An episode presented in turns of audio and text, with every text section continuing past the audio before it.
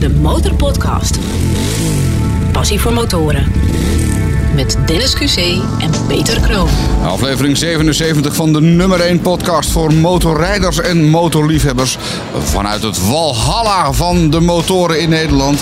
Motorbeurs Utrecht. Daar zitten we in ons glazen huis. En ja, Dennis, De stem is weer een beetje terug naar gisteravond. Die whisky deed eh, wonderen. Ik weet niet hoe het eind- aan het einde van deze dag is. Maar gisteren was geslaagd, eergisteren geslaagd. En nu ook. Het is zaterdagochtend nu we dit opnemen. Ik, ik heb geen idee wanneer je dit luistert. Maar wij zitten hier nu 's ochtends in een eh, jaarbus. De frituur staat aan de overkant ook al aan. Mensen komen als mieren naar binnen. En ik kijk hier met een schuin oog zo de motorparking in. De ene na de andere mooie bike komt binnen. Dit wordt weer een fantastische motordag. Met weer mooie gesprekken. kan gewoon bijna niet Nee. anders. Hè? En ja, eh, we hebben een aantal dingen al uitgezet. Eh, onder andere jouw check voor eh, een nieuwe motor. Of een andere motor in ieder geval. Vertel even, wat is er allemaal voorgevallen? Ja, als je de vorige aflevering hebt beluisterd, dan heb je gehoord dat ik de beurs over ben gegaan en aan het twijfelen ben geslagen over de Yamaha R1 uit 2007, die 61.900 kilometer heeft gelopen voor een prijs van 5500 euro. Daar moet misschien nog wat beurskorting vanaf. Ik heb aan jullie gevraagd van, nou, wat vind je ervan? En jij hebt geantwoord, ja, 63% zegt, dit is een goede keuze voor je. En 37% zegt, nee Dennis, niet doen. Er waren er ook nog wat tips, want jij twijfelde ook al, eh, Peter. Ja, ik vind de prijs op zich heel aardig. Maar het aantal kilometers wat op de, op de klok staat. Hè? Eh, wat was nou net iets meer dan 60.000? Ja, is echt 62, ja. Ja, ja dan, dan komen er vaak wel wat dingetjes aan als remschijven en dat soort dingen. En ja, als dat dan allemaal er nog bij komt, als je dat moet laten... Hoeft natuurlijk niet, hè. Voor hetzelfde geld nee, rijden nog, eh, weet ik veel, duizenden kilometers bij. Maar ja, dat is wel het punt dat je denkt van misschien... komt- Of zitten er nieuwe remschijven op, dan is het... Nou ja, goed. Ik ga Eh, zo nog even kijken en voelen aan, de- aan de remschijven. Maar Sven die zegt al, gave motor. Maar hij zou persoonlijk gaan voor een 2009. Crossplane, cro- crossplane blokken klinken en lopen een stuk leuker. Ehm, je moet net zoals je CBR, die ik nu rij, eh, enorm boven in de toeren rijden. Nou ben ik dat op zich wel gewend en vind ik dat niet erg. Maar hij zegt dus, nou, ik zou het niet doen. Remco Jansen die zegt, ik zou persoonlijk gaan voor het 2008 model met het CP4 blok. Zo'n heerlijk geluid. Dus ook hij zegt van, ja, mm, twijfel, twijfel, twijfel. Ik denk, dat, ik ga nog even een keer kijken, maar ik denk dat ik het geld toch even in, de, in, eh, in mijn zak houd. Want ik heb ook nog die CBR. Die komt in 2010, heeft inmiddels zeg 42.000 gelopen. En rijdt nog heerlijk. Ja, oh kijk. We hadden hem toch eigenlijk mee moeten nemen op de stand. ja, toch? Nou, we, Ja. we hebben hem toch bij ons. Kijk, hoor maar even. Mooi seizoen. Ja, mooi seizoen voor me met dit geluid. Ja, hij, Heerlijk. hij, hij klinkt nog steeds lekker. Je moet hem, je moet hem maar even niet Maar ik vind wel de R1 of... eh, ja, ik, ik, ik bl- blijf toch even met een schuin oog... eh, als je een goede tip hebt, als je een keer ergens een mooie ziet... laat het aan me weten via info.demotorpodcast.nl. Ga jij nog kijken? Ja, en, en ik heb al gekeken. En natuurlijk heb ik alweer wat gezien waarvan ik bij mezelf denk... oh, wat heerlijk, dat wil ik eigenlijk ook hebben. En misschien moet ik even hetzelfde doen als wat jij nou hebt gedaan. Eventjes dat voorleggen aan onze luisteraars. Wat vinden ze ervan? Het gaat hem natuurlijk in mijn geval over een dikke Harley. Daar heb ik er al één van. En ik twijfel weer... Moet ik hem wegdoen of er nog één erbij? Nou ja, eigenlijk is het eh, never sell. eh, Just add. Just add. Maak een foto, gaan we het delen op de social... en dan Ja. vragen we het aan de luisteraar. Misschien, misschien moeten we dat wel doen. Er zitten allerlei gasten eh, te wachten. We gaan zo meteen praten over het racen. Echt serieus racen op het Echt circuit. racen? Ja, Ja. echt racen. Maar eerst gaan we even achter het vizier kijken van eh, deze dame die hier is aangeschoven. Wie zit hier? Rachel, hi, goedemorgen. Rachel, welkom bij, eh, bij de show. Je bent Ja. ook vriend van de show. Ja. Dank daarvoor. Ja. Eh, ja, de eerste vraag die we eigenlijk aan iedereen altijd stellen... en als vaste luisteraar weet je precies hoe het werkt. Waar rij je op? Nou, ik rij momenteel nog nergens op. Eh, Oh. Ik ben wel aan het oriënteren. Ik heb net mijn rijbewijs gehaald, op 14 januari. Ehm, ja, ik vind veel motoren leuk. Ik heb mijn rijbewijs gehaald op een Honda CB eh, 650F. Ja, ja, Erg leuke niet? motor, lesmotor, ja. super fijne motor. Ehm, ja, mijn, eh, mijn interesse gaat uit naar een eh, ja, Tour Enduro of een eh, ja, off-road motortje. Ik ben er nog niet helemaal uit. Het kan ook niet zo'n hele grote motor zijn, ik ben nogal klein. Nou, dat valt toch wel mee? Dit- nou, mijn zithoogte, ja, dat kan niet hoger dan 80 zijn. Mm, Oké, oké. Ja, ja, ja, maar ik ben me nog aan het oriënteren. Er staan hier zoveel leuke dingen, dus eh kom wel goed. Je maakt zeker even een rondje over de beurs. Ja. En je helpt ons vandaag een handje mee. Ja, super gaaf dat ik dat mag. En Nou, heel erg leuk. Daar zijn, daar, zijn we heel erg, eh, daar zijn we heel erg blij mee dat je dat even, even wil doen. Ja. Je weet onze koffiecorner te vinden. Ja, en, komt eh, goed. Ja, dan moet het goed komen. Leuk. Ik vind, ik vind het wel leuk, want we betreffen best veel luisteraars. En eh, Eh, ik merk dat er heel veel luisteraars zijn die eh, nog niet rijden of aan een examen bezig zijn. Of net geslaagd zijn en aan het kijken zijn naar een motor. Ja. Vandaar ook dat we de motorpodcast maken voor motorrijders en motorliefhebbers. Ja. Nou, dat eh heel duidelijk. Wij gaan er een mooie beursdag van maken. ik ben goed. benieuwd wat er ooit gaat komen als motor. Dat moet je ons zeker even Ja, laten weten. zeker weten. Maar eh, wij gaan knallen vandaag, op de motorbeurs. Ja, ga ik proberen iedereen enthousiast te maken voor de motorpodcast. Helemaal goed. Nou, dan kan, jou, je- kan jouw vizier dicht. En dan gaan we het volgende vizier openen van onze volgende gast. De Motorpodcast. Achter het vizier van... Achter het vizier van Ton Molenaar. Welkom in ons eh, glazen huis op Motorbeurs Utrecht, Ton. Goedemorgen, goedemorgen. Mogen wij jou introduceren als eh, de upcoming dokter van Nederland?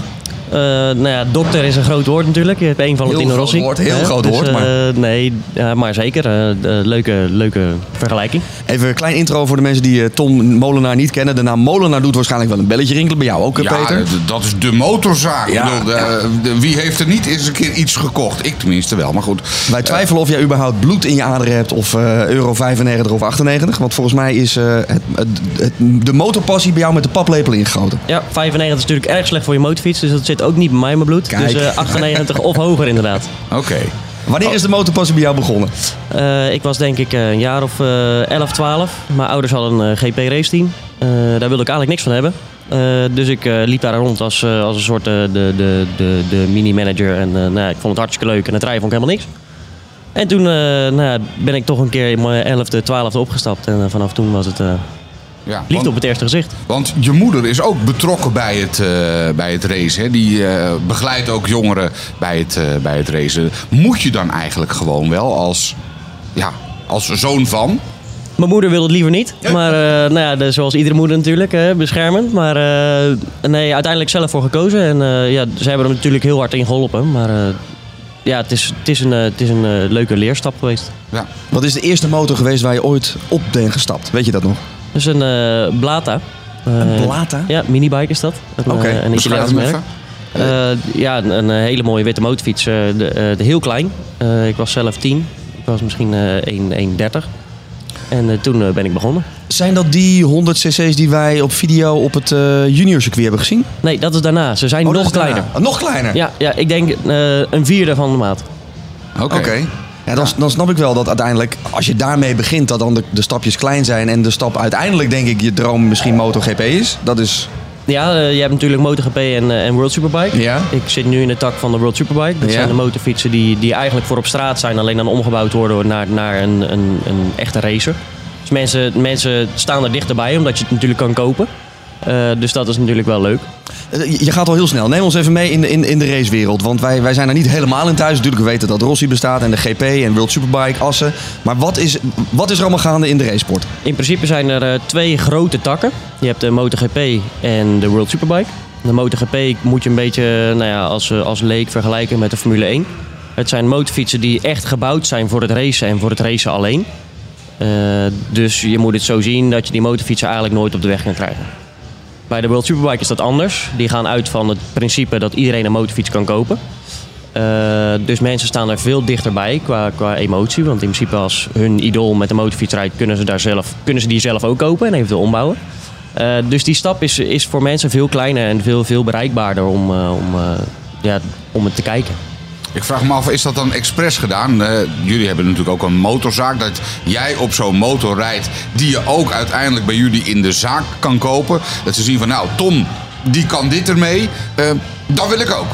Zit Nou, dat er een beetje achter of niet? Toen ik 14 was, was ik nog niet zo commercieel. Kijk, als ik er nu naar kijk, dan was het misschien wel een goede optie. Maar eh, nee, daar heb ik niet bewust voor gekozen. Nee, oké. Ja, want je bent nu 21. Eh 22. zelfs. 22? Ja, ja, ja, ja. Gefeliciteerd. Was het recent of niet? Nee, ik ben bijna 23. Oh, gelukkig. Bijna Ja, 23. ja, Oké. Ehm, en je rijdt nu de KTM, als ik het goed heb? Ik ben eh, eh, anderhalf jaar geleden overgestapt van KTM naar Kawasaki. Ja. Eh, ik heb twee jaar lang KTM gereden en goede resultaten geboekt. Toen zijn we geswitcht naar Kawasaki omdat die motorfiets nou, iets meer bij mijn rijstijl past. Ik heb er een keer mee getest en eigenlijk waren we daar direct nou ja, dezelfde tijd of net iets sneller. Eh, dus toen hebben we gekozen om inderdaad de overstap te maken naar Kawasaki. Nou, en wat is jouw rijstijl dan? En hoe zit dat dan met die motor? Dat, dat vind ik altijd een beetje, ja, een beetje een soort, soort wetenschap die niet echt goed te verklaren is. Wat is jouw rijstijl en waarom past dat dan precies bij die motor? Een rijstijl is iets heel persoonlijks. eh, en het is ook heel slecht aan te passen. Ik eh, probeer nu heel erg mijn rijstijl aan te passen door mijn lichaam meer langs de motorfiets te laten hangen. Maar als je op een motorfiets stapt en je gaat racen, dan val je eigenlijk in een patroon. En het is heel lastig om een patroon te doorbreken. Eh, je, je begint vanaf jongens af aan en eigenlijk slijt dat er een soort in. En op een gegeven moment zit je vast in een, in een patroon hè, dat in principe goed is, alleen kan beter. Ja, ja. Maar er zijn dan ook typische foute dingen of dingen waarvan je bij jezelf denkt, nou dat eh, heb ik mezelf aangeleerd en ik krijg nog regelmatig te horen, doe dat nou niet Tom, want dat is niet verstandig. Er is eh, heel weinig wat je echt fout kan doen. Alleen eh, sommige dingen zijn in bepaalde bochten beter. Omdat hè, bijvoorbeeld je lichaamsgewicht net iets langs de motorfiets moet. Omdat je dan meer eh, controle hebt. Of je moet net iets meer achterop zitten omdat je meer grip nodig hebt. Ja, dat, het zijn kleine dingetjes die je dan zelf moet, moet aanpassen. Nou had ik eh, op mijn circuitdagen een voor- en achterrijder die mij instructie gaven. En dat je een lijntje rijdt en dan krijg je na een kwartiertje weer, nou dit moet je beter doen. Hoe gaat dat bij jou? Wie, wie, wie traint jou? Ik heb een rijderscoach. Die gaat in principe alle races mee.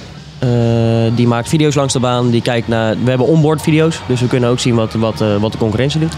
Eh, en inderdaad, als je dan achter een, als een snelle jongen rijdt en je ziet nou, ja, precies wat hij anders doet, dan denk je zelf, hé, hey, hier kan ik bijvoorbeeld net iets later insturen of ik kan hier heel veel harder doorheen. Moet maar proberen. Ja, jij bent onderdeel van een raceteam, je doet het niet in je eentje. Ja, hoe ziet het raceteam eruit? Nou, het is momenteel een mannetje of 12. Eh, we hebben, eh, als het goed is, volgend seizoen vier rijders. Eh, dus ik ben niet de enigste. Eh, daar zitten twee dataspecialisten op. Dus we, op onze motorfietsen zitten heel veel, eh, heel veel sensoren. En die worden na de sessie uitgelezen, worden over elkaar vergeleken. En dan kunnen we ook zien waar we bijvoorbeeld hè, iets later moeten remmen of waar we iets mechanisch anders kunnen doen. Ehm, daarnaast hebben we ook monteurs. Die sleutelen ook aan de motorfietsen. Daarnaast hebben we ook nog iemand voor, voor alle zaken rondom. Hè. Dus als er iets met de organisatie besproken moet worden, of noem het maar op. En dan gaat bijvoorbeeld eh, eh, mijn vader nog mee als, eh, als assistent. Dus nou, ja, die, die zorgt dat alles in goede banen loopt en eh, die regelt alles buitenaf. Zodat wij zo min mogelijk moeten doen en, en zoveel mogelijk kunnen focussen op, eh, op echt, het, eh, echt het racen. Het is bizar, eigenlijk is gewoon een racingteam een heel bedrijf op zich. Ja, zeker. Ja. Ja, hey, en ehm, ja, dan vraag ik me altijd af, wat kost dat dan? Hè? Even de Hollandse vraag. Ik bedoel, als er zo'n heel team is, eh, nou ja, je hebt ook allemaal sponsor op je, op je t-shirt en zo. Ehm, ja, over wat voor bedragen hebben we het eigenlijk als je een beetje goed wil kunnen racen? Nou ja, het is voor eh, Nederlanders natuurlijk erg onbereikbaar, omdat het een hele kostbare sport is. Kijk, het kan natuurlijk heel goedkoop zijn en je kan je eigen circuitmotorfiets kopen en dan kost een circuitdag 200 euro. Eh, nou ja, ik denk dat dat voor een hobby eh, goed geprijsd is, dat is prima. Alleen zodra je naar het professionele niveau gaat en je wil nou ja, zoveel mogelijk van je materialen hebben en je wil zo goed mogelijk voor elkaar hebben, dan kost een jaar 300 supersport, in, in ons geval dan, met IDM, gauw 50.000 euro. Zo, dat zijn eh, stevige bedragen. Maar goed, daar heb je je sponsors voor. Eh, nou had je het er net ook al even over. Hè? Met data wordt alles uitgelezen. En we hadden hier gisteren ook iemand aan, de, aan tafel met een, eh, die, die, die ook nog voor de hobby aan het racen was. En zei van ja, op een gegeven moment ontploft de motor gewoon. Bij hem was dat gebeurd. Is dat bij jou ook wel eens gebeurd? Dat echt gewoon dat ding helemaal aan gort draait? In principe niet. Eén keer dat ik het van tevoren aan hoorde komen. Want ik hoorde een ander mechanisch geluid en ik motorfiets uitgezet. Nou, dat scheelde dan een hele hoop schade. Maar eh, ja, bij ons is er nog nooit echt één helemaal kapot gegaan. Nee. Dus, eh, maar het, het kan gebeuren. Op een gegeven moment hoor je een of ander duister rateltje ergens vandaan komen. En dan denk je van nou, eh, nu eventjes eh, in zijn vrij en langzaam uit laten rollen. Ja, de nachtmerrie van iedereen die zijn motorfiets zelf onderhoudt. Als er op een gegeven moment wat gaat ratelen, dan denk je oei, heb ik wel iets verkeerd gedaan. Maar over zelf onderhouden, ik hoor jou zeggen van ja, ik hoorde een mechanisch ander geluidje. Hoe handig ben je zelf? Hoe technisch onderlegd? Technisch onderleg niet. Kijk, ik kijk natuurlijk altijd met die gasten mee. Eh, ik vind het hartstikke leuk. En eh, ik doe eh, echt mijn best om die gasten te helpen. En een bandje wisselen kan ik wel. Maar eh, als het mechanisch wordt, dat, dat, kijk, we racen op zo'n niveau dat ik, dat ik dat niet ga doen. Eh, dan, we hebben daar specialisten voor en dan, dan gebruik ik liever die dan dat ik zelf ga rommelen. Want dat komt niet goed. Nee, maar het kan zijn dat je met pri- misschien privé buiten het circuit ook nog motorrijdt. Ik heb een motorrijbewijs sinds eh, een jaar nu. Eh, Dat vind ik ook wel bijzonder, ja, hè? ja, ja, ja, ja. Een hele tijd. Met, met Max natuurlijk ook. Die mocht wel op het circuit rijden, maar niet op de weg. Precies, ja. Dus nee, ik heb nu wel mijn rijbewijs. Ik heb nog niet echt een motorseizoen meegemaakt. Want ik heb nog niet, ja, ik heb afgereden toen het min 5 was volgens mij. Dus nee, dat is niks voor mij.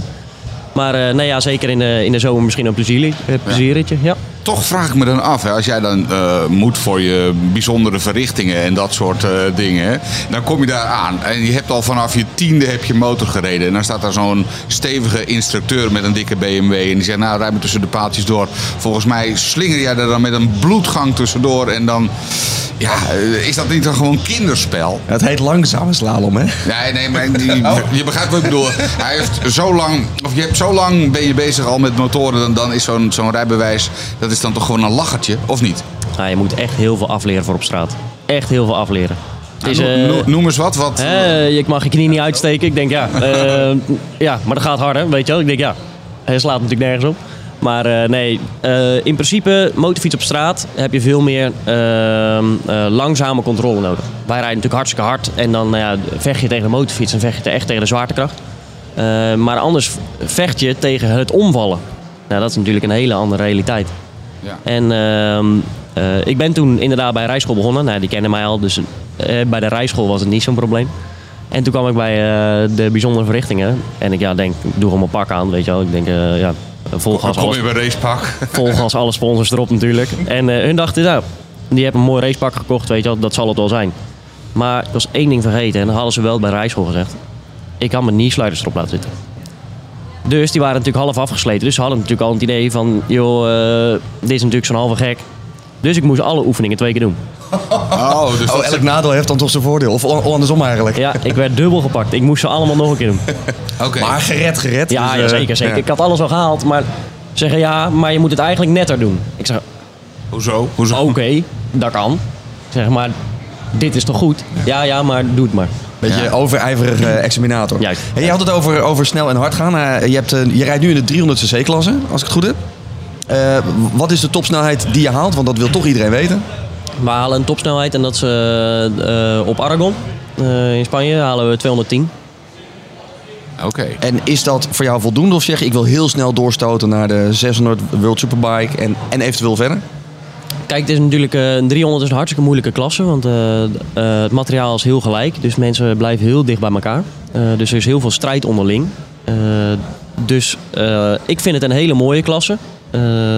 Kijk, het, het is natuurlijk voor iedere jongensdroom om, om de World Superbike te rijden. Maar ik wil eerst het, het hoogste niveau in de 300 halen. Dat is de World, World Supersport 300. Dat is wereldkampioenschap. Hey, misschien een hele stomme vraag. Hè? Eh, jij rijdt op een, eh, op een motor met 390. Tenminste, het, ty- het type nummer. Ja, het is dat, 400. Ja, dat Ja. suggereert dat je dus meer dan 300 cc hebt. Ja. Het is toch de 300 klasse? Of Klopt. kan daar een beetje in gesjoemeld worden? Of, hoe, hoe zit dat nou precies? Alle motorfietsen worden gelijk getrokken. Eh, dus mijn 400 heeft bijvoorbeeld een restrictie om, om de 300, zeg maar. De, de, de- maar bijvoorbeeld toen de 300 begon, had je een Yamaha, dat was een 320. Die had een KTM, die kwam later, dat was 390. En Kawasaki had eerst een 300 en werd toen 400. Daarnaast had je ook nog een Honda. Die was 500. En die mag dan toch meedoen met de 300, maar dan, dan tunen ze hem een beetje naar Die was beneden zo bij of verschrikkelijk zwaar dat het eigenlijk niet mee te rijden was. Oké. Dus zo, eh, zo wordt het dan een beetje gelijk getrokken dat het toch eerlijk is. Want je zou bijna zeggen van nou, dan ga ik dus voor, eh, als het tot 400 mag, dan ga ik voor 399. Dan heb ik een klein beetje voordeel, eh, voorsprong op degene die maar met een 300cc motortje mag rijden. Precies. Maar alles wordt elektronisch begrensd. Dus dat Ja, is ja, allemaal ja. eh, Je zegt zwaar, zwaar is relatief. Wat, wat weegt die voor jou dan nu? eh, 140 kilo. Dat is inderdaad wel heel licht. En Ja. wat woog die Honda dan? Hondaatje woog 188 kilo. En dat is al een onoverbrugbaar verschil in die, die klasse. Nou ja, het ging even snel, want ze trekken natuurlijk dan weer gelijk. Ja, Dus oké, maar minder praktisch. Ja, het is natuurlijk veel zwaarder rijden. En dan kijken ze gewoon naar het gewicht en het, het, het vermogen. Gaat hij op de rollerbank of zo? En, en ze tunen hem een beetje bij. En dan, eh, dan is het allemaal evenveel vermogen in ieder geval. Ja, en eh nou ja, vermogen heeft die, die Honda dan natuurlijk meer, omdat nou ja, is ook zwaarder. Maar dan gaan ze natuurlijk ook op de baan kijken van, joh, heeft hij geen oneerlijk verschil? Of heeft hij niet veel meer topsnelheid? Of, en, en zo in het seizoen leren ze. Nou ja, ze zijn nu al heel veel seizoenen bezig, dus ze weten nu wel ongeveer hoe het zit. Oké. Nou rijd jij in de IDM, als ik het goed heb. Dat is de Internationale Dodge, ik heb het opgeschreven, anders weet ik het niet. Motormeisterschaft. Ja, zeker. Ja, ja, ja. ja, ja. Eh, hoe is het in die klasse? Eh, Want dat is weer een onderdeel van die 300. Ja, Die, eh, het is eigenlijk een weerspiegeling van eh, de WSBK. Ja, Eh, alleen dan, Superbike. Ja, alleen dan voor, voor Duitsers slash nou ja, internationaal betekent dus al Europees. Mhm. Eh, dus eigenlijk de gasten die in de top 5 rijden, die zijn ook eigenlijk vaste deelnemers in, in de, de Supersport 300 in het wereldkampioenschap. Ja. Dus bij ons, wij zijn eigenlijk een, de, de- een Europees kampioenschap, maar het is eigenlijk opgeblazen met alleen maar rijders die, die op het hoogste niveau rijden. En jouw kalender voor dit jaar ziet eruit... eh, wat moet je als eerst rijden? Zaksering? Ja. ja, ja. Eh, hoe gaat de voorbereiding daar naartoe? Saxering is een heel eh, bekend circuit natuurlijk. Daar rijden ze natuurlijk met, de met, met de MotoGP. Dat betekent ook dat het een circuit is waar je bijna niet kan trainen. Dus erg lastig. Dus wij gaan nu naar circuits die, die in Spanje liggen. Nu natuurlijk met het mooie weer om, om goed te trainen. En we zijn net twee weken geweest. En over twee weken gaan we nog anderhalve week. Is dit nou een fulltime baan voor jou? Of moet je af en toe ook nog eh, even achter de balie bij eh Arie Molenaar gewoon in de winkel eh, een, een, zaterdag, een drukke zaterdagmiddag helpen? Ik werk fulltime op de zaak. En eh, het race is een beetje een uit de hand gelopen hobby. En daar gaat natuurlijk heel veel tijd in zitten nu. Maar ja, ik word natuurlijk wel ondersteund door de zaak in, in de uren die ik mis. Oké, dus het, valt, het hoort gewoon bij je takenpakket bijna. Ja, ja, ja, Je doet het al goed, maar hoe beter je het gaat doen, hoe meer tijd het gaat vragen zeker weten. om weer een stapje verder te komen. Dus eh, de mensen die jou willen zien, die moeten volgens mij in augustus naar Assen. Ja, Want dan eh, is de, de IDM daar. klopt. Ehm, wat was jij geworden als je geen motorcoureur, eh, of niet in de zaak zou zijn gaan werken of motorcoureur was? Ja, ik heb een tijdje als fysiotherapeut gestudeerd. Oh. Dat was het niet helemaal voor mij. Nou ja, hartstikke leuke tijd gehad, maar dat is niet waar mijn hart ligt. En je zou toch zeggen als fysiotherapeut, hè, eh, hoe de mens in elkaar zit. Als je als mens beter in elkaar zit, kun je ook weer beter racen. Dus tenminste, dat, zo'n, zoiets zou ik dan hebben. Ja, ja, alleen je kan zelf niet programmeren hoe je zelf in elkaar zit. Dus dat is een beetje, dat is een Ja, beetje je- lastig. Je, je, je weet hoe het menselijk lijf werkt dan. Beter werkt. eh, je weet beter hoe het menselijk lijf werkt. Dus misschien een betere houding op de motor of zo.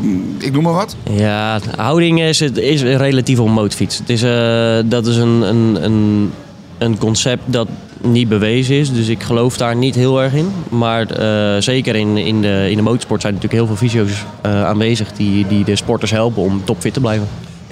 Zo'n dagje, het is, het is hangen links, hangen rechts. Je, je moet niet een, eh, even een zere rug hebben of zo. Want het- er wordt wel een topprestatie van je verwacht. Dus je lijf zal ook in topprestatie moeten zijn. Ja, ja, en er zijn een hele hoop rijders die natuurlijk ook rijden met, eh, met blessures. Eh, kan.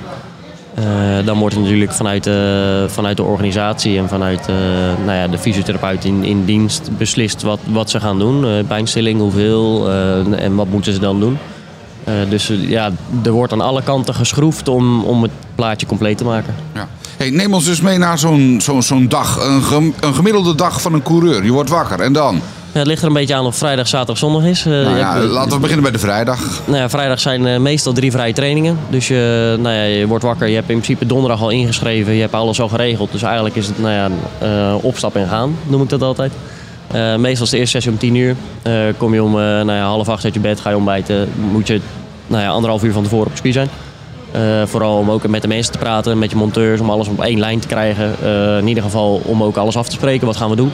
Hoe gaat de sessie eruit zien? Eh, gaan we met z'n allen uit? Gaan we nou ja, achter iemand aan? Kennen we het circuit? Kennen we het circuit niet? Hebben we er beelden van? Gaan we nog overal overheen? Dan is 10 uur de eerste sessie. Rijden, zo ben je klaar. Dan is het half elf. Kijk je de data. Ga je kijken van, joh, hebben we nog data van vorig jaar? Of moeten we het echt, echt helemaal vanaf nul doen? Eh, dan ga je kijken van, joh, wat kan beter? Wat is, wat is niet goed? Wat is wel goed? Waar moeten we nog verbeteren? Of, of is het eh, zo al goed? Nou ja, dan moet je zeker wel op één staan met een seconde voorsprong, want anders is het niet goed genoeg. Eh, dus ja, je moet het een beetje zo invullen. En daarna is de tweede sessie vaak net voor de middag. Ja. Dan rij je nog een keer, dan ga je wat eten. En dan is de laatste sessie nog. En is het behalve trainen op de motor, is het ook nog even de sportschool in om gewoon eh tuigje te springen en lekker fit te zijn? Of Je moet wel fit zijn. Er wordt gevraagd dat je 20 minuten lang volledige focus kan leveren. Eh, enige vorm van inkakken is, eh, nee, is eigenlijk al een doodzonde. Eh kijk, in de vrije training zou dat kunnen, maar in de kwalificatie of in de race is het natuurlijk no-go. nee. En geen drank natuurlijk. In het seizoen niet. Nee, dat is natuurlijk lastig. Kijk, na het seizoen kan je natuurlijk doen wat je wil, maar je moet wel zorgen dat je aan de start fris te, te verschijnt. Ja. Maar dan heb je de vrijdag gehad, eh, dan heb je de zaterdag en de zondag nog. Ja, zaterdag zijn er twee kwalificaties meestal. Eh, dus dan is het nou ja, zo snel mogelijk ronde zetten in zo'n klein, klein mogelijke tijd. Eh, dus dat is, dat is dan eh, een invulling voor, eh, voor jezelf. En eh, nou ja, dat doe je natuurlijk ook met, met data. En dan probeer je natuurlijk ergens nog een slipstream te krijgen. Of een, in ieder geval eh, eh, proberen om, eh, om het ergens eh, te winnen. Een beetje geluk moet er ook wel zijn natuurlijk. Ja, want wat, wat is de combinatie? Eh goede spullen, talent en geluk. Welke is het belangrijkst? Vind ik een hele lastige. Vind ik echt een hele lastige. Ik ken een hele hoop jongens die heel veel talent hebben. En ehm, die hebben bijvoorbeeld financiële middelen niet. Kom je er ook niet. Heb je geen sponsors, dan kom je, dan kom je er niet. Want, want 50.000 euro is natuurlijk een hoop geld. Hè. De- eh, ik werk fulltime en nou ja, dat ga ik never nooit halen. Nee. Eh, dus nou ja, als je dat wil doen, dat, dat, daar, zit, daar zitten zoveel factoren aan. Dat is natuurlijk eh, heel belangrijk. Ja. Maar volgens mij is talent het belangrijkste. Want je kan een miljoen, als jij ons een miljoen geeft en we gaan trainen, dan kunnen we best een rondje assen rijden. We blijven ook nog wel overeind en we zetten ook nog wel een leuke tijd neer. Maar we zullen nooit winnen. Nou, dat weet ik niet, Nee, Dennis. maar Volgens mij je moet- eh, je moet- ze er dan uit. Nee, maar het begint met als je geen talent hebt om iets te doen, dan kan je net zo goed stoppen. Want dan is het eh, geld in een bodemloze put. En het is bij jou natuurlijk met de paplepel ingegoten. Dus dat talent, dat is een soort van, nou niet aangeboren, maar dat heb, dat heb je je eigen gemaakt. Ja. En dan komt daarna het, het geluk dat jij hebt om je heen. Is dat er heel veel mensen zijn die dezelfde passie delen. Zeker. Ja. Eh, die ook heel veel kennis hebben die jij weer eh, op kan nemen. Dus Ja, kan het moet een combinatie van factoren zijn. Dat kan Ja, niet anders. Kijk, we hebben natuurlijk... eh, mijn moeder die doet de NSF 100 Cup. En dat is een cup voor jonge rijders tussen eh, 9 en 13. Daarvoor hebben ze meestal al gereden. Seizoen kost 1000 euro of 1250 euro. Er zit een pak bij, zit een helm bij, zit eigenlijk alles bij. Dan zie je wie er talent hebben. En dat natuurlijk redelijk laagdempelig. Dus nou ja, vanuit daar zie je wel wie er talent heeft. Hè. Meestal de kampioenen die, die groeien door tot, eh, tot een van de grote, grootste motorsporters uit Nederland. Eh, dus ja, eh, talent begint het. En daarna wordt natuurlijk het plaatje compleet of mensen het rondkrijgen, ja of nee. Ja. Zijn er jongens in die, eh, CB, of in die, eh, in die 100 Cup die tegen jou opkijken, die jou als voorbeeld gebruiken? Mm, nou, ik ben natuurlijk in de motorsport eh, eh, redelijk onbekend. Kijk, ik, eh, ik, sta dan, ik sta dan zesde in het Europees kampioenschap. Maar het is natuurlijk niet... eh, kijk, je hebt natuurlijk eh, een Bo Bensnijder of Zondag van der Voorberg. Die Motor 2 rijden. Dat zijn natuurlijk jongens die, die veel meer aanzien hebben dan ik. Kijk, ik ben natuurlijk... Ik probeer mezelf dan wel te zetten in, in, in een voorbeeldrol. Dus nou ja, ik probeer wel die jongens wat te laten zien. En, en, maar ja, je weet natuurlijk niet of ze het aannemen. En, en al die kleine jongens die... die, die ehm, mensen zien rijden in hogere klasses is eigenlijk al gelijk goed. Die gasten vinden dat alleen maar mooi en, en, en die zien dat echt als, als, als leuk. Maar dan ook aan jou de vraag, heb jij een voorbeeld? Heb ik een voorbeeld? Eh, nou ja, ik zie wel eens eh, filmpjes voorbij komen die, eh, dat ik denk van zo, zo, ja, dat is wel echt, eh, echt vet. Eh, nou ja, vroeger was ik natuurlijk echt, echt verschrikkelijk fan van Valentino Rossi. Nog steeds. Hè, het kan niet anders. Eh, maar als ik, nou ja, die is nu weg en eigenlijk heb ik niet echt een vervanger. Heb je hem wel eens ontmoet, Valentino Rossi? Ja. Ja. Oké. En, en wat, wat, bespreek je met zo'n Valentino Rossi? Wil je ook een kopje koffie? Of, eh? Ja, zo, zo iemand is natuurlijk zo druk. Hè. Kijk, je loopt een keer langs en eh, je kan een keer een handje geven. En, eh, hoe gaat het? Ja, goed. nou ja, wat doe je? Dit Ah, en dat ja. maar het is, het is heel kort. Het is misschien vijf minuten. Hij is niet echt benaderbaar voor een, ja, voor, voor een drankje of weet ik veel wat. Nou ja, natuurlijk wel. Alleen dat, dat is dan natuurlijk om, om onder hele andere omstandigheden. Kijk, als je, op het circuit, als je op het circuit bent, als iemand aan het werk is, ja, de, jullie nemen een podcast op hier en iemand komt aanschuiven, joh, hoe is het? Ja, dan denk je ook, eh, eh, ik moet nog werken, weet je wel. Ja, dat, zo- gaat het daar ook. Ja, nee, Precies, ja, duidelijk, het zijn gewoon normale mensen. Als jij eh, zelf eh, eh, of voor de tv zit of een, weekend vrij hebt. en stel je even voor dat je dan ook naar de race kan waar je wel op de baan moet zijn. Maar waar koop je het liefst een ticket voor of waar zet je het liefst de tv voor aan? Zelf om te kijken of te doen. Of eh, aanwezig te zijn. toch wel de, de Supersport 300. Ja. Eh, de klasse die ik eigenlijk zelf rij. alleen dan op het wereldkampioenschapniveau natuurlijk. Ja. Het is altijd spannend en het zit natuurlijk heel dicht bij elkaar. Dus, eh, en, en er zitten ook een hele hoop Nederlanders in die ik ook goed ken. eh, waar ik veel contract mee heb. Dus dat is, dat is leuk om te zien. Ja. Hey, waar, waar ben jij over een, nou laten we zeggen, een jaar of tien? Ben jij dan de nieuwe Valentino Rossi? Of, eh, of verkoop je dan weer gewoon oordoppen in, in, in, de, in de motorzaak? Ik of denk dat ik, of motoren? Inderdaad, motorfietsen verkoop over een jaar of tien. Ik hoop natuurlijk wel om mijn, mijn actieve racecarrière nog zo goed mogelijk af te sluiten. Maar ik verwacht niet dat ik over tien jaar nog rijd. Nee? Nee. Oh, dat, dat, ik, ik dacht nou, we hebben een heel ambitieus iemand hier aan tafel. Die, Ja. die gaat gewoon voor de Dat is absolute... natuurlijk ook, hè. 100%. Alleen eh, ik denk dat het wel reëel is dat je, dat je over 10 jaar. eh, ik denk dat ook de ontwikkeling met de elektrische motors heel snel gaat gaan. Eh, en ik denk dat ik dan ook niet zo heel veel plezier meer aan heb. Oh, Nee, dus- is, is dat minder plezier voor jou, de Moto E? Dat is voor mij wel een dingetje. Serieus? Ja, ik vind de Moto E wel heel leuk om te kijken. Op tv. Op tv, want je ziet al als het misgaat. Die motorfietsen zijn zo zwaar dat als iemand zich verremt, dat je het ziet aan de persoon. Die raken dan al in paniek tijdens het remmen. Ja. Dat zie je. Dat vind ik heel leuk. Want je weet al wat er gaat gebeuren. Eh, en nou ja, de verschillen zijn ook heel klein. Dus, eh dus veel inhalen en het is best wel veel spanning. Alleen het geluid vind ik niks. weet, weet je wat ik nou grappig vind? Jij zegt ook van, Ja. je ziet dat het misgaat. Heel stiekem, ja, ik, ik durf het bijna niet hardop te zeggen met zo iemand aan tafel. Eigenlijk vind ik dat ook het mooiste van, van, van motorsport kijken. Dat het misgaat. Eh, en, en dan hoeft het niet dat, dat de coureur iets vreselijk breekt of wat dan ook. Maar gewoon dat je ziet, het gaat fout. En hij mag het natuurlijk overleven, dat gun ik hem van harte. Ja. Maar Gelukkig. ja, nee, de fouten, de- dat is het Ja. leukste om naar te kijken. Nou ja, de fouten zijn natuurlijk, het is, het is topsport. Dus eh, de- ja, je zoekt de grens op. Hè, en en over, nou ja, over de gren- ga- grens gaan hoort er ook bij. Eh, dus het is een aspect van de motorsport die je natuurlijk veel tegenkomt. En, en natuurlijk ook de sport hè, heel levendig maakt en, en, en actief. Want ja, er gebeurt altijd wat. Ja.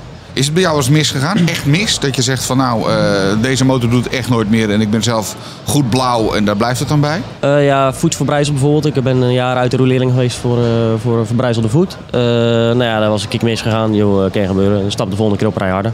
Ja. Ja, maar het is, het is bizar ook als je in, als ze aan de baan zit of, of tv kijkt. Maar wat, wat, wat er gebeurt in de... Weet je, het is, de motor heeft vaak meer schade gelukkig dan de coureur. Want jullie valtechniek is natuurlijk wel heel bijzonder. Het is gewoon echt zoveel mogelijk glijden, dat hoop je dan. Ja, ja. Maar eh, ik sta echt versteld van, maar ook als je naar de GP kijkt, wat, dan denk je dit, dit gaat niet goed. En toch weer opstaan, omdat ja, ook vallen is. Word je ook getraind op vallen? Nee, in principe niet. Eh, alleen tegenwoordig zit er in een pak zit ook een airbag. En eh, er zitten zoveel veiligheidsmaatregelen aan. Omdat hè, natuurlijk eh, de veiligheidsmaatregelen steeds hoger worden. Iedereen ziet wat er gebeurt. En eh, nou ja, er wordt telkens wel actie ondernomen. Wat ik ook goed vind. Eh, dus ja, met een airbag ben je natuurlijk veel beter beschermd dan, dan als je gewoon valt. Nou, je, je praat er vrij eh, cool over, maar je zei al een keer een verbrijzelde voet. Nooit meer last gehad van de voet? Nee. Nee? nee. Nou ja, Nou ja, Hij heeft hij daarna- goede oefeningen natuurlijk Ja. als fysiotherapeut. Nee, maar goed, ik ben er ook een keer van afgevallen op vrij jeugdige leeftijd. En ook een voet vreselijk pijn gedaan, en gebroken en dat soort ellende. En tot op de dag van vandaag eh, is mijn voet nog steeds niet echt goed. Nou ben ik nog naar de fysiotherapeut geweest ervoor. Maar goed, eh, Ik heb ervoor gekozen om eh, toen een jaar niet te racen. Eh, het had natuurlijk misschien wel gekund. Maar eh, ik heb alles gedaan om, om 100% eh, beter te worden. En daardoor denk ik dat ik er nu wel heel veel plezier van heb. ja, ja.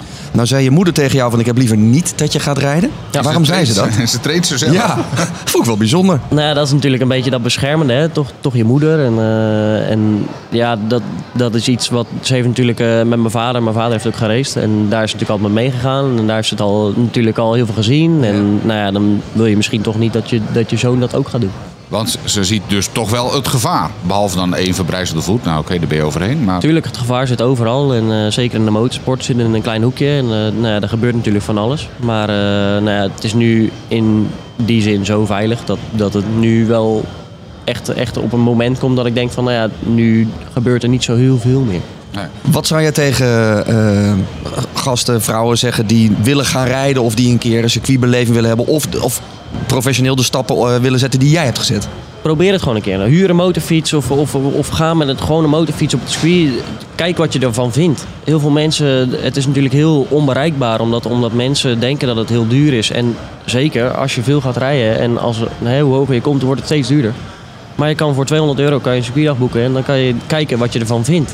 Probeer het gewoon. Ja. Ik kan het alleen maar beamen. Ik heb het ook een paar keer gedaan, de circuittraining. Het is en leuk. Als je daarna naar Assen gaat, ga je ook heel anders kijken naar wat er op de baan gebeurt. Leer je ook weer van.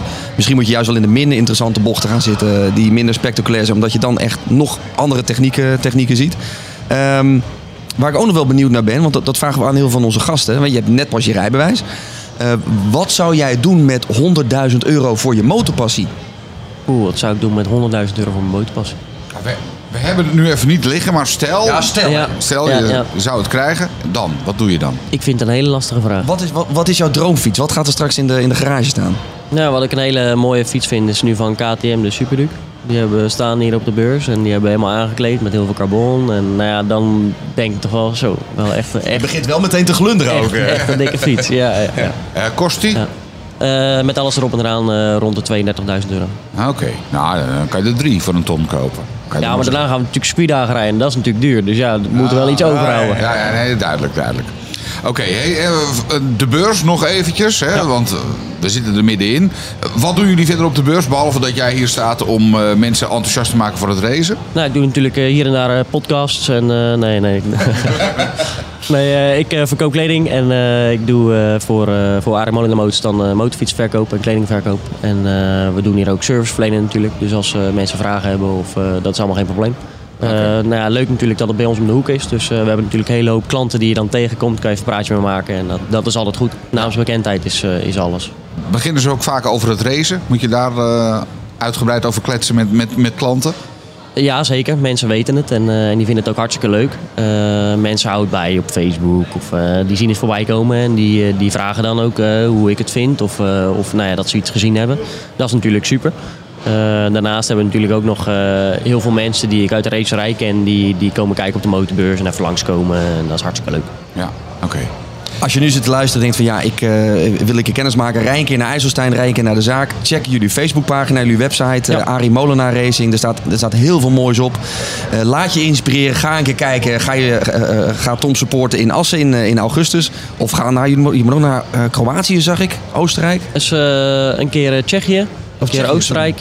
Eh, nou ja, Oostenrijk, eh, Duitsland heel veel dan. En ik ga nog een paar keer naar, eh, naar, eh, naar Spanje. Dat is dan echt voor privétraining, dus dat is dan weer niet te bezoeken. Nou, Wij gaan in ieder geval eh, volgen. Nu met nog Ja. meer kennis van eh, de motorsport in Nederland. De IDM en, eh, en, de, en de GP. Ja, we, we hopen dat je goed gaat eindigen. Ja, ja. Ga goed trainen. En maar vooral nu de komende dagen nog een hele goede beurs. ja, en, helemaal en, goed. En stiekem hoop ik dat jij toch de nieuwe Valentino Rossi Ja. wordt. Ik gun je natuurlijk heel veel omzet in Ja, de zaak. ja, ja. Maar het zou toch wel heel mooi zijn als de echte eh topcoureur dan uit Nederland komt in plaats van uit Italië. En bij jullie aan tafel heeft gezeten. Ja, nou, eh, als het zover is, dan kom je weer terug. Hè? Helemaal goed, geen probleem. Dankjewel. De Motorpodcast. We komen aan het einde van aflevering 77 van eh, de Motorpodcast, Peter. Weer een aflevering vol motorpassie. En eh, ben jij een beetje geïnspireerd geraakt door Tom? Ja, nou stiekem toch wel een klein beetje hoor. Ik heb wel zoiets van zo'n circuitdag. Ja, ik moet het toch een keertje gaan proberen. Want eh, ja, het is wel. Ik kan het je aanraden, ja, aanraden om een keer te doen. Maar ook aanraden om gewoon een keer lekker naar World Superbike of zo te gaan kijken. Op, eh, op Assen. Of, eh, ja, of, of die, eh, die IDM die hij gaat rijden natuurlijk. In augustus in Assen. Het is ook veel spannender de MotoGP en de, en de motorklasse waar Tom in rijdt dan bijvoorbeeld Formule 1. Ja. Bij Formule 1 gebeurt eigenlijk, eigenlijk geen reet. Nee, nou, bij Formule 1 heb ik vaak het idee dat de winnaar al min of meer bekend Ja. is. En eh, ja, nou, bij de GP is dat natuurlijk niet zo. Nee, er veel meer inhaalacties, veel meer spanning. En zeker als je langs de baan staat bij een circuit, dan ja, je staat er echt met je neus bovenop. Het is echt een, eh, een, een topdag. Kan je alleen maar aanraden. En sowieso de circuittraining ook een keer doen. Ja, nou, eh, ga het zeker een keer eh, proberen. Ik ga jou nu wel wegsturen, want jij moet nog een foto gaan maken. Want de luisteraar die gaat jou adviseren zometeen. Ja, nou ja, goed. ik, ik heb weer een model gezien waarvan ik bij mezelf denk: zal ik hem kopen, ja of nee? Dat wordt wel even een dingetje, want het kost natuurlijk alweer een, eh, een hoop geld. Aan de andere kant, als je een motor koopt, of als ik een motor koop, of wie dan ook een motor koopt eh, tijdens eh, Motorbeurs Utrecht, dan is er een kans dat je het aankoopbedrag terugkrijgt. Absoluut. We maken dat in een van de komende afleveringen bekend. Er komt de grote chef van de Motorbus Utrecht, eh, Rachel, komt hier in onze stand bekendmaken in een van de volgende afleveringen. Wie zijn aankoopbedrag terugkrijgt en dus- dus met een gratis motor naar huis gaat eigenlijk. Ja. Als Nou. jij hem koopt op de beurs, misschien jij wel. Dat zou hem zo eens kunnen. Nou, ik heb een heel fraai modelletje zien staan. Nou, je weet, ik heb iets met Harleys. Ehm, Lowlands staat hier een eentje verderop. En daar heb ik weer een mooi model gezien. Dus ja, wil ik even voorleggen aan onze luisteraars. Wel of niet doen. Ehm, bedrag en eh, kilometerstand zal ik er even bij ehm, vermelden. Net als wat jij eerder hebt gedaan. Ja.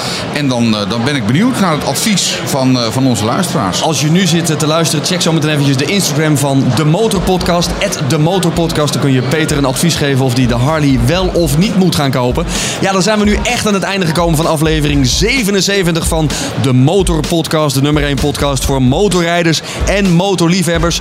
Normaal vanuit ons honk in Hilversum, maar nu vanaf het Motorwalhalla, de motorbeurs in Utrecht. Normaal ook om de twee weken, maar nu eh, wat vaker vanaf de beurs. Eh, Is dit je eerste aflevering? Druk even op volgen als je in Spotify luistert, want dan krijg je automatisch een berichtje bij de volgende aflevering. De Motorpodcast. Gratis in je favoriete podcast app.